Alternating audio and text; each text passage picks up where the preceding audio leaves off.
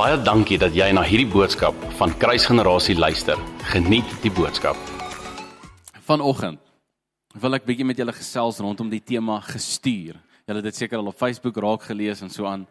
En ehm um, ek wil net ek ek wil net bietjie oor die volgende paar vragies wil ek wil ek wil ek bietjie gesels. Ehm um, eerstens hoe gevorderd moet iemand wees as 'n Christen om regtig iets vir die koninkryk te beteken?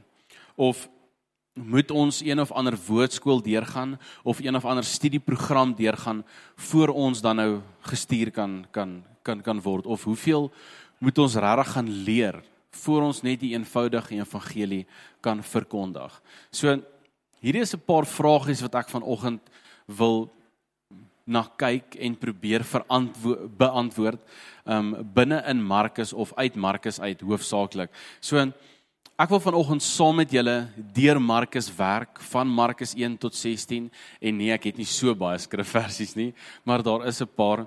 So julle kan julle Bybel so lank oopmaak by Markus en ons gaan by by 1 begin. En ek gaan net ek gaan net saam met julle kyk na die na die die die hoofpunte wat ek wil uitlig vanoggend wat wat bydra tot dit wat ek wil staaf. So ons gaan sommer dadelik wegspring um, in in Markus 1 sien ons heel eerste dat Jesus van sy disippels begin roep. Hy begin mense na hom toe roep. Um ons sien dan dat hy 'n man verlos van 'n onreine gees. Ons sien dat hy Petrus se skoonma genees. Ons sien dat hy baie siekes gesond maak en duiwels uitdryf en spesifiek dat hy 'n melaatse genees. Dan in Markus 2 sien ons as gevolg van al hierdie goed wat gebeur dat 'n menigte mense hom hom begin volg. Ons sien ook dat hy 'n verlamde man genees. En dan sien ons dat van hierdie disippels wat hom volg, wat hy al reeds ge, ge, geroep het, ehm um, koring pluk in die lande op 'n Sabbatdag en dat Jesus tradisie aanvat wanneer mense teen hierdie is dat daar nou koring gepluk word op 'n Sabbatdag. En dan in Markus 3 sien ons ehm um, Jesus genees 'n verdorde hand. Die Engels praat van 'n withered hand. En baie ander siektes ook. En dan hier in Markus 3 kies Jesus sy 12 disippels. En ek wil graag daarso vers 13 tot 15 van Markus 3 wil ek graag saam met julle lees. Dit sê en hy het op die berg geklim en na hom geroep die wat hy wou hê. En hulle het na hom ge, ge, ge, gekom en hy het 12 aangestel sodat hierdie woordjie sodat is belangrik sodat hulle saam met hom kon wees en hy hulle kon uitstuur om te preek en mag te hê om siekes te genees en duiwels uit te dryf. En so dit is dit is die die hoofrede hoekom Jesus hierdie 12 gekies het sodat hulle eers saam met hom kon be beweeg. Hulle moes moes sien wat hy doen. Hy was vir hulle 'n voorbeeld sodat hulle uiteindelik ook hierdie goed sou kon doen. En net vir in in in interessantheid hierso in Markus 3 vers 35 kom verklaar Jesus wie sy fam, familie is en ons gaan dit dalk later bietjie meer gebruik. So ek wil dit net vir julle kom uitlig. Hy sê want elkeen wat die wil van God doen, die is my broer en my suster en my moeder. So as jy wonder of is jy deel van Jesus se familie, vra jouself die volgende vraag: Doen jy die wil van God? En dan het jy jou antwoord. So maklik is dit. Markus 4. Daarso sien ons die gelykenis van die saaier en ons sien ook hierso dat Jesus sy disippels na die tyd een kant toe vat en hulle hierdie vergelykenis verduidelik in detail omdat almal dit nie noodwendig vir verstaan het nie. En ons sien ook dan dat daar nog vergelykings was en dan is daar die plek waar Jesus die storm kom stil maak. So dis Markus 4. Onthou in Markus 3 het hy hulle geroep. So al al hierdie goedjies gebeur van die tyd af wat hulle saam met hom konstant is en wat hulle hom as voorbeeld het en wat hy hulle leer en om om hoe om hierdie hierdie goed te te doen. So in Markus 5 is hulle steeds saam met hom, hulle leer steeds en ehm um, ons sien in Markus 5 Jesus stuur 'n on, onreine gees uit uit 'n man uit in die varke in. Ehm um, ons sien ook dat Jesus hierso 'n vrou genees wat aan bloedvloeiing ly en ons sien in Markus 5 dat Jesus 'n dogtertjie uit die dood uit opwek. Nou net vir interessantheid hierso, ehm um, Jesus gaan en hy wek hierdie dogtertjie uit die uit die dood uit op en hier en en die die woord sê dat die die 53 vertaling sê dat die spesifieke woorde in sy taal wat hy gespreek het was talita kumi wat wat dan be, beteken volgens die die die 53 vertaling dogtertjie ek sê vir jou staan op. Maar ek ek dink hulle het dit dalk verkeerd vertaal want vir my is dit eintlik baie eenvoudig. Jesus het gesê talita kumi. Ek dink die dogtertjie se naam was talita en hy het net vir haar gesê talita kumi. En toe staan sy op. Okay net 'n grapie kom ons beweeg aan. Dan dan in Markus 6. In Markus 6 sien ons Jesus stuur sy 12 disippels uit. Vers 7 sê en hy het die 12 na hom geroep en hulle 2-2 begin uitstuur en het hulle mag gegee oor die onreine geeste. So wat ek hier vir julle wil uitwys is hier is net twee hoofstukke waarin daar 'n paar goetertjies gebeur wat hierdie 12 disippels saam met hom stap En na hierdie 12 goetertjies, ag na, na na hierdie hierdie twee hoofstukke stuur Jesus hulle uit. Hulle was nie geleerd nie. Hulle hulle het niks gaan swat nie, maar Jesus het hulle uitgestuur om die evangelie te gaan vir vir vir verkondig. Wat ook belangrik is is hulle het op hulle eie uit uitgegaan. Jesus het nie saam met hulle gegaan nie. Hulle was 2-2. En ehm um, In Markus 6 vers 12 tot 13 lees ons dan en hulle het uitgegaan en gepreek dat die mense hulle moes bekeer. En hulle het baie duiwels uitgedryf en baie siekes met olie gesalf en gesond gemaak. Weerens hulle was nie ge, ge, geleerd nie. Maar hierdie goed het hulle gedoen na kort tydjie wat hulle saam met Jesus spandeer het en hom as voorbeeld ges, gesien het. Handelinge 4 vers 13, ek wil net so 'n bietjie afdwaal net as as 'n voorbeeld. Handelinge 4 vers 13 sê en toe hulle die vrymoedigheid van Petrus en Johannes sien en verstaan dat hulle ongeleerde en eenvoudige manne was, was hulle verwonderd en het hulle as metgeselle van Jesus herken. So ons sien as jy veel aanblaai in in in die woord veel later in Handelinge dat selfs hierdie mense nog steeds ongeleerd was. Hulle was eenvoudige manne. En ek wil vir jou vanoggend vra, herken mense jou, jy wat 'n eenvoudige en ongeleerde man is, as 'n metgesel van Jesus? Kan mense aan jou lewenswyse sien dat jy tyd spandeer saam met Jesus of nie? Net 'n vraagie wat ek net so wil ingooi. So dan sien ons die die, die disippels keer terug nadat hulle nou uitgestuur was, alles gedoen het wat hulle wat hulle moes doen. Jy kan na vers ehm um, 30 en 31 blaai in in Markus 6. Markus 6 vers 30 en 31 wil graag saam met julle lees daar.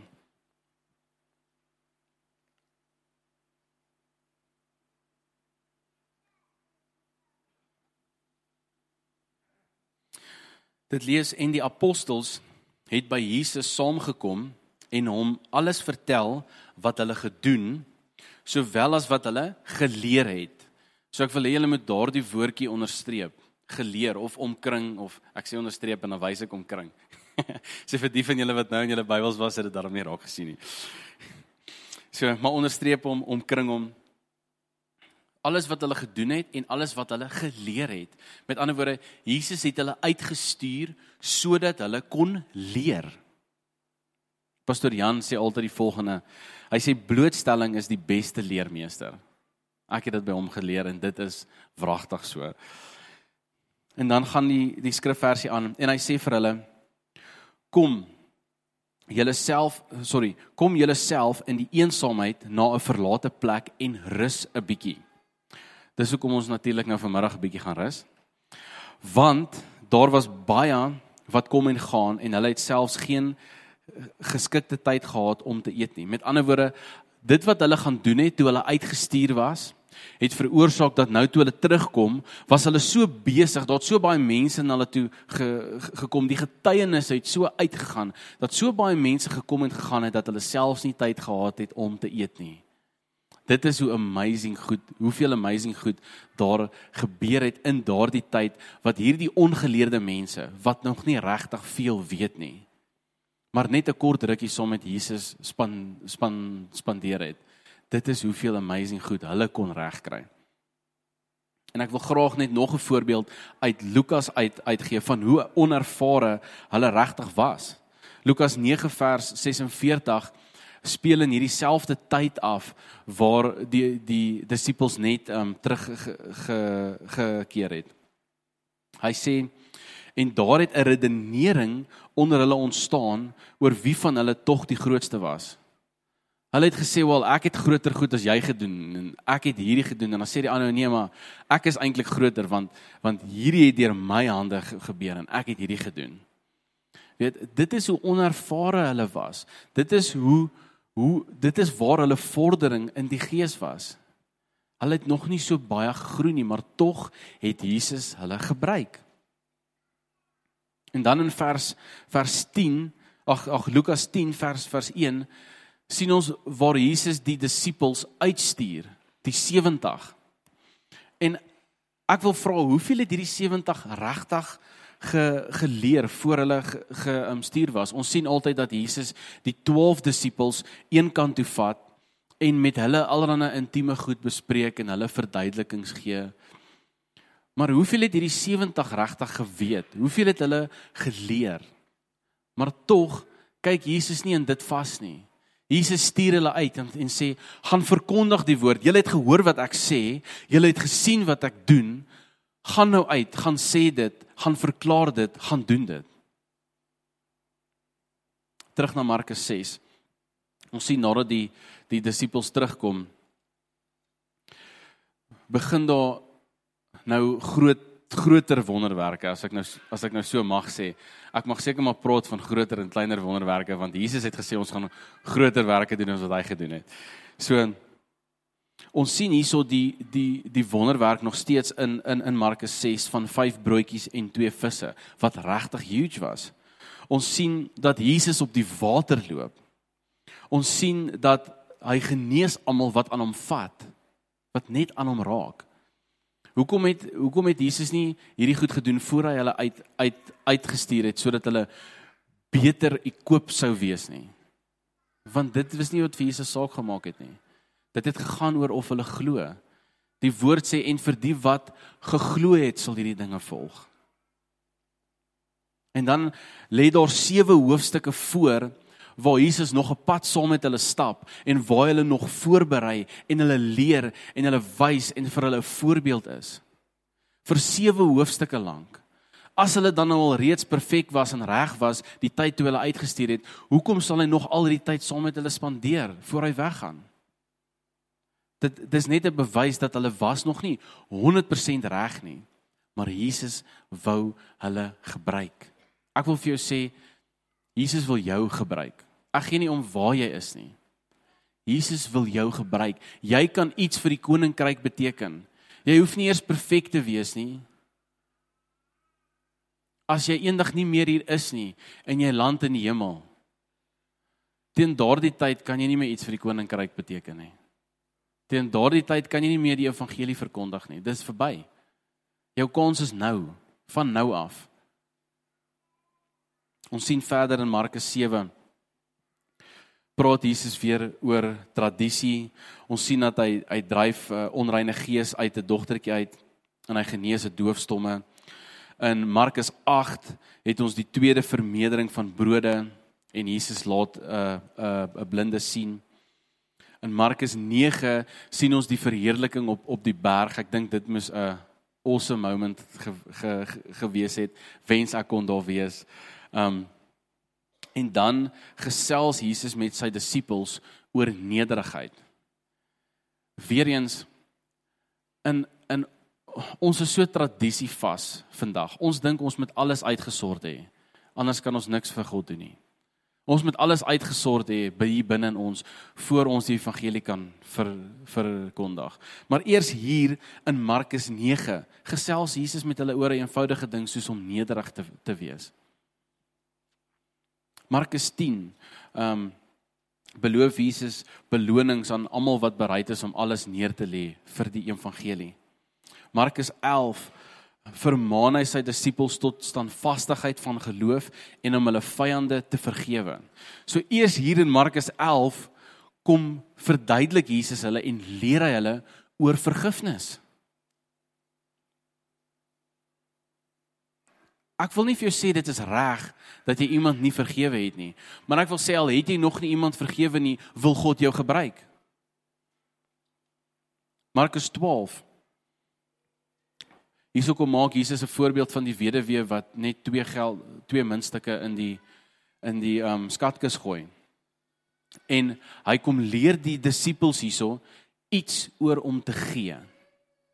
Wat dit beteken om te gee en hoe 'n mens moet gee en met watter hart 'n mens moet gee.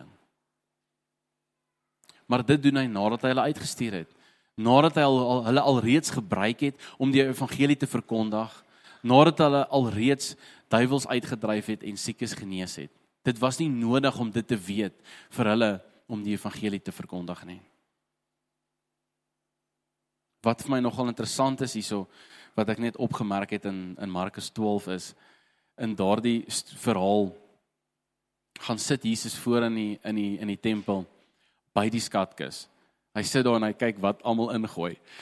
En ek dog toe nou so by myself, ek wonder wat sal die reaksie wees hierso as ons skatkis hierso voorsit en ek en Pastor Jan kom staan hierso en ons kom kyk wat elke ou ingooi.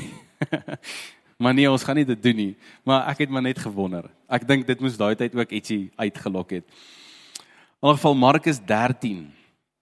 Markus 13 sien ons dat Jesus hulle hulle vertel dat hulle hulle gaan vervolg word vir die evangelie en dat dit nie altyd gaan maklik wees nie. En dan sien ons die volgende ding. Ons sien Jesus sê vir hulle: "Verkondig die evangelie aan alle nasies." Hierso wil ek net gou 'n bietjie stil staan want ek weet nie die die die Here bring net onder my aandag die laaste tyd hierdie ding van rasisme. En ek wil dit net asseblief aanspreek. En ek wil net asseblief so 'n paar goedjies daaroor sê en ek dwaal nou heeltemal van my punt af, maar ek wil net regtig hierdie hierdie hierdie lê net so naby aan my aan my aan my hart. Ek glo regtig dit is dis dwaase interpretasies wat van die skrif wat ons die idee gee dat God rasisme goedkeur. Want God doen nie. Rasisme is die vyand se plan om die liggaam van Christus te skei. Ek wil hierdie hierdie spesifieke vers kom lees in Markus 13 vers 10. Dit sê en die evangelie moet eers aan al die nasies verkondig word. Al die nasies. Daardie woordjie daarso vir nasies is die Griekse woordjie ethnos. Wat beteken nasies of rassegroepe? Hy beteken spesifiek 'n buitelandse groep of 'n vreemde nasie, iemand wat ander waardes as jy het en 'n ander kultuur het as jy.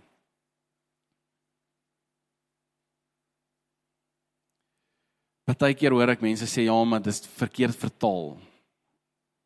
Dan wil ek vir jou sê dan is die hele woord verkeerd ver, ver, ver, vertaal. Ek gaan lees die die King James version. En ek sien hierdie woordjie ethnos is 164 keer gebruik binne in in die Nuwe Testament. Meeste van die tyd word dit gebruik ehm um, word dit vertaal met die woordjie gentiles wat dan nou 'n ander nasie was of dit word vertaal met die woordjie nation soos in hierdie skrifvers wat wat ons lees of met die woordjie people.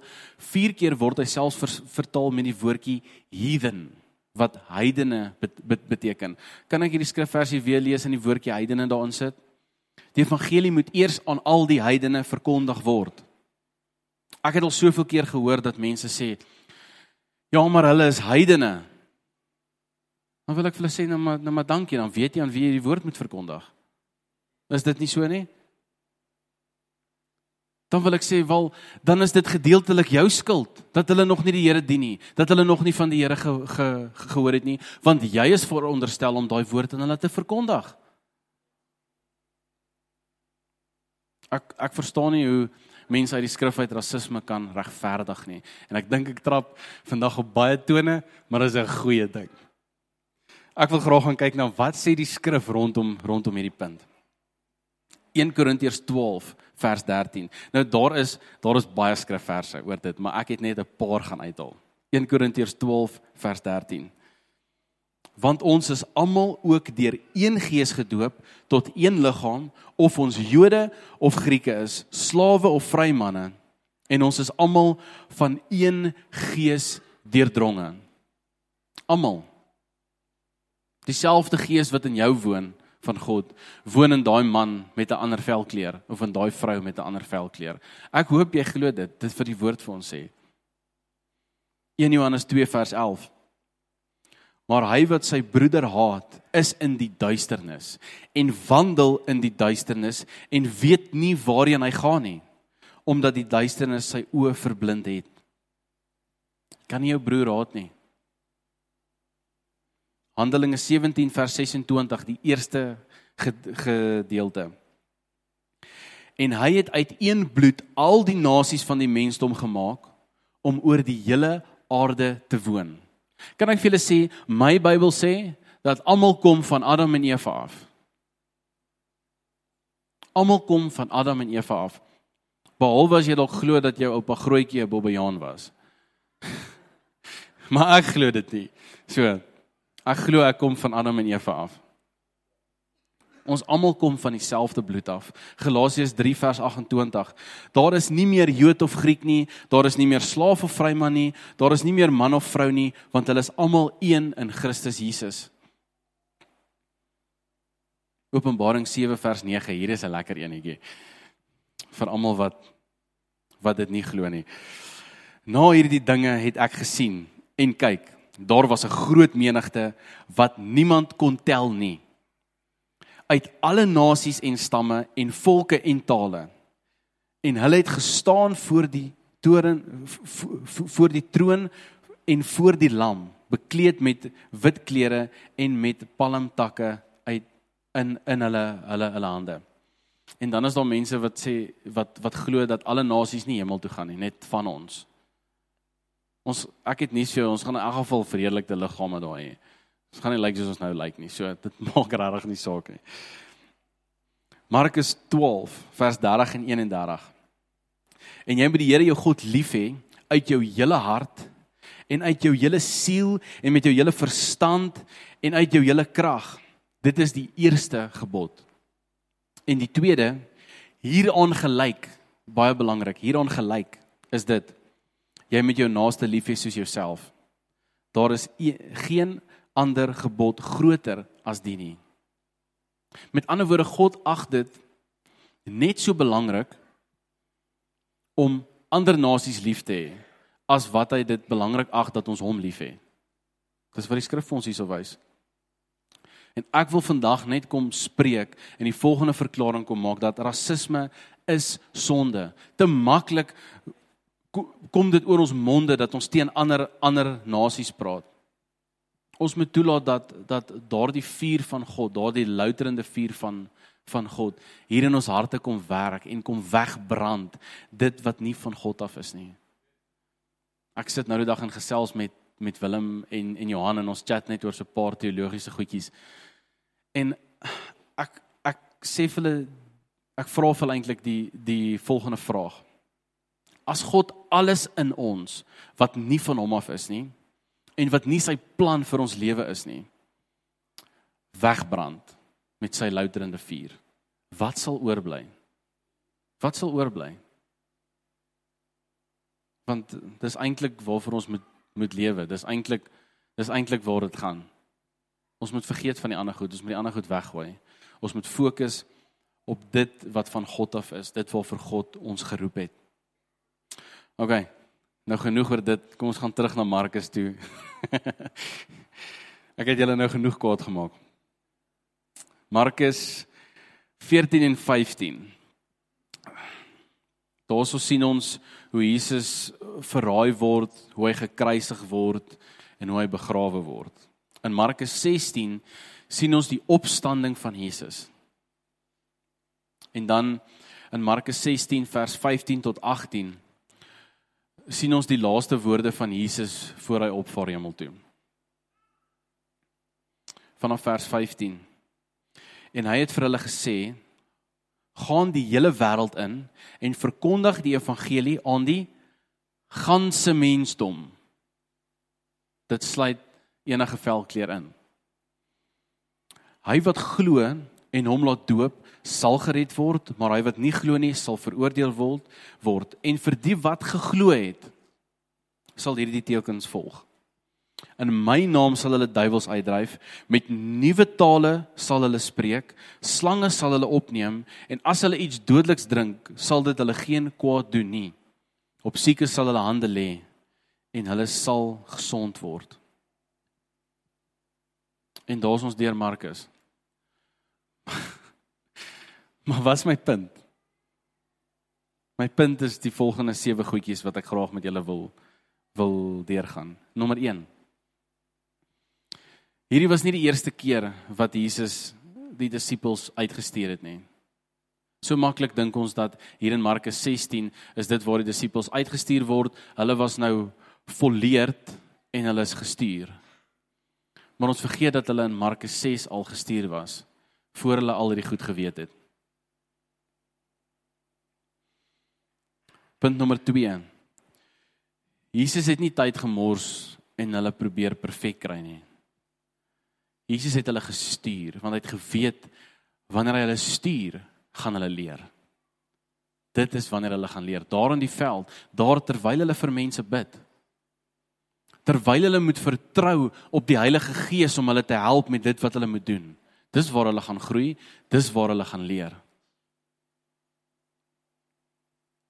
Punt nommer 3. Wil jy deel wees van Jesus se familie? Doen die wil van God. Dit is baie eenvoudig. Punt nommer 4. Hulle word na die ganse mensdom gestuur en na alle nasies. En ek dink ek het nou al genoeg daar gesê. Ek dink julle verstaan daai punt baie duidelik. Punt nommer 5. Jesus stuur hulle en hy gaan nie saam met hulle nie. En steeds sonder dat Jesus saam met hulle gee, hy saam met hulle gaan, hy het hulle net die mag gegee oor hierdie goed en hulle dit alles gaan gaan gaan doen. Vandag het ons ook die mag. Maar raai wat? Jesus het vir ons 'n helper gelos. Hy het vir ons die Heilige Gees gelos. En vir daardie rede kan daar groter werke wees as wat daai tyd gebeur het. Dit was nommer 5, nommer 6. Die skrif sê en vir hulle wat geglo het. Sal net gou vir my julle hande opsteek Wie glo dat Jesus die seun van God is? Ons sê. Wie glo dat Jesus vir ons gesterf het? En wie glo dat hy weer opgestaan het? OK. Die skrif sê vir die wat glo. So ek wil vra, glo jy? Want dis die enigste voorwaarde wat ek sien in die hele skrif. Die enigste voorwaarde. Daar is nie ander voorwaardes nie. As jy glo, kan jy die evangelie gaan verkondig al is jy nog nie perfek nie. Glo vir my, die Heilige Gees gaan nog lank met elke liewe een van ons besig wees voor ons perfek is. En dan punt nommer 7 wil ek maar net afsluit met die volgende vraagie. Hoe lank wil jy nog wil jy nog leer en gaan swat en meer oor hierdie goed uitvind en probeer perfek word en probeer heilig word voor jy dink jy is gereed? om gebruik te word deur God. God wil jou nou al gebruik. Nou al. Ek gee nie om waar jy is in jou in waar jy is in jou groei nie. Waar jy is in die pad wat jy stap saam met die Here nie. Ek gee nie om hoeveel tyd jy tans saam met die Here spandeer nie. Jy bly sy kind. Hy wil jou steeds gebruik. Want wanneer hy jou gebruik, dit is wanneer jy groei. As jy nie toelaat dat God jou gebruik nie, gaan jy nooit uitkom waar jy probeer uitkom sonder dit nie. Die enigste manier wat jy daar gaan uitkom is om attent te wees op dit wat die Gees vir jou sê en uit te uit te beweeg. Wanneer jy by die werksplek is en die Gees sê vir jou hierdie groot sterk man het vandag net 'n drukkie nodig. En dit dalk vir jou die snaakste ding in die wêreld is en jy dink hy gaan dit dalk verkeerd opvat wil ek vir jou uitdaag, luister na die Gees. Wanneer jy in die mall loop en jy voel net maar jy moet nou vir hierdie ou bid. Jy ken hierdie ou van geen kant af nie. Gaan en gaan doen dit. Dis die enigste manier wat jy gaan leer. Wanneer jy by die werksplek is en jy voel maar hierdie man ken duidelik nie vir Jesus nie. En jy verkondig die evangelie aan hom. Dit is waar jy gaan groei. Dit is waar jy gaan leer. Daar waar jy nie seker is wat om te sê nie. Maar jy vir God se gees vra. Here help my. Ek kan nie hierdie op my eie doen nie. Ek weet ek moet hierdie doen, maar help my. En God se gees kom en hy jou insig gee en hy jou kennis gee en hy jou wysheid gee rondom hierdie saak oor wat jy moet doen.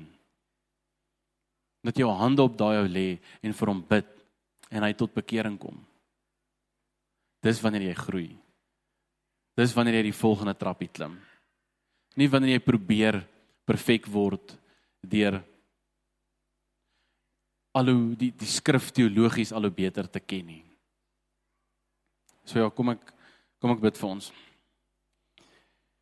Here, wat 'n voorreg dat ons vanoggend in u woord kon wees. Dat ons vanoggend kon kyk uit u woord uit hoe u voel daaroor om gestuur te wees. Here, dankie dat ons kan weet dat elke liewe een van ons gestuur is. Here, solank ons net in U glo.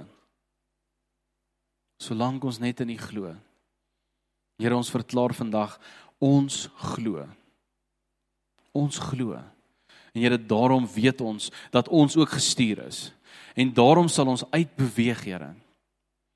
Ons sal uitbeweeg in die strate en ons sal uitbeweeg aan ons werksplek in. Ons sal uitbeweeg net daar waar U dit van ons verwag en daar waarna toe U ons lei en ons sal u wil doen, Here, want ons is deel van u familie. En ons sal dit bewys deur u wil te doen. Ons sal dit bewys deur te luister na wat u Gees vir ons sê en dit te volg.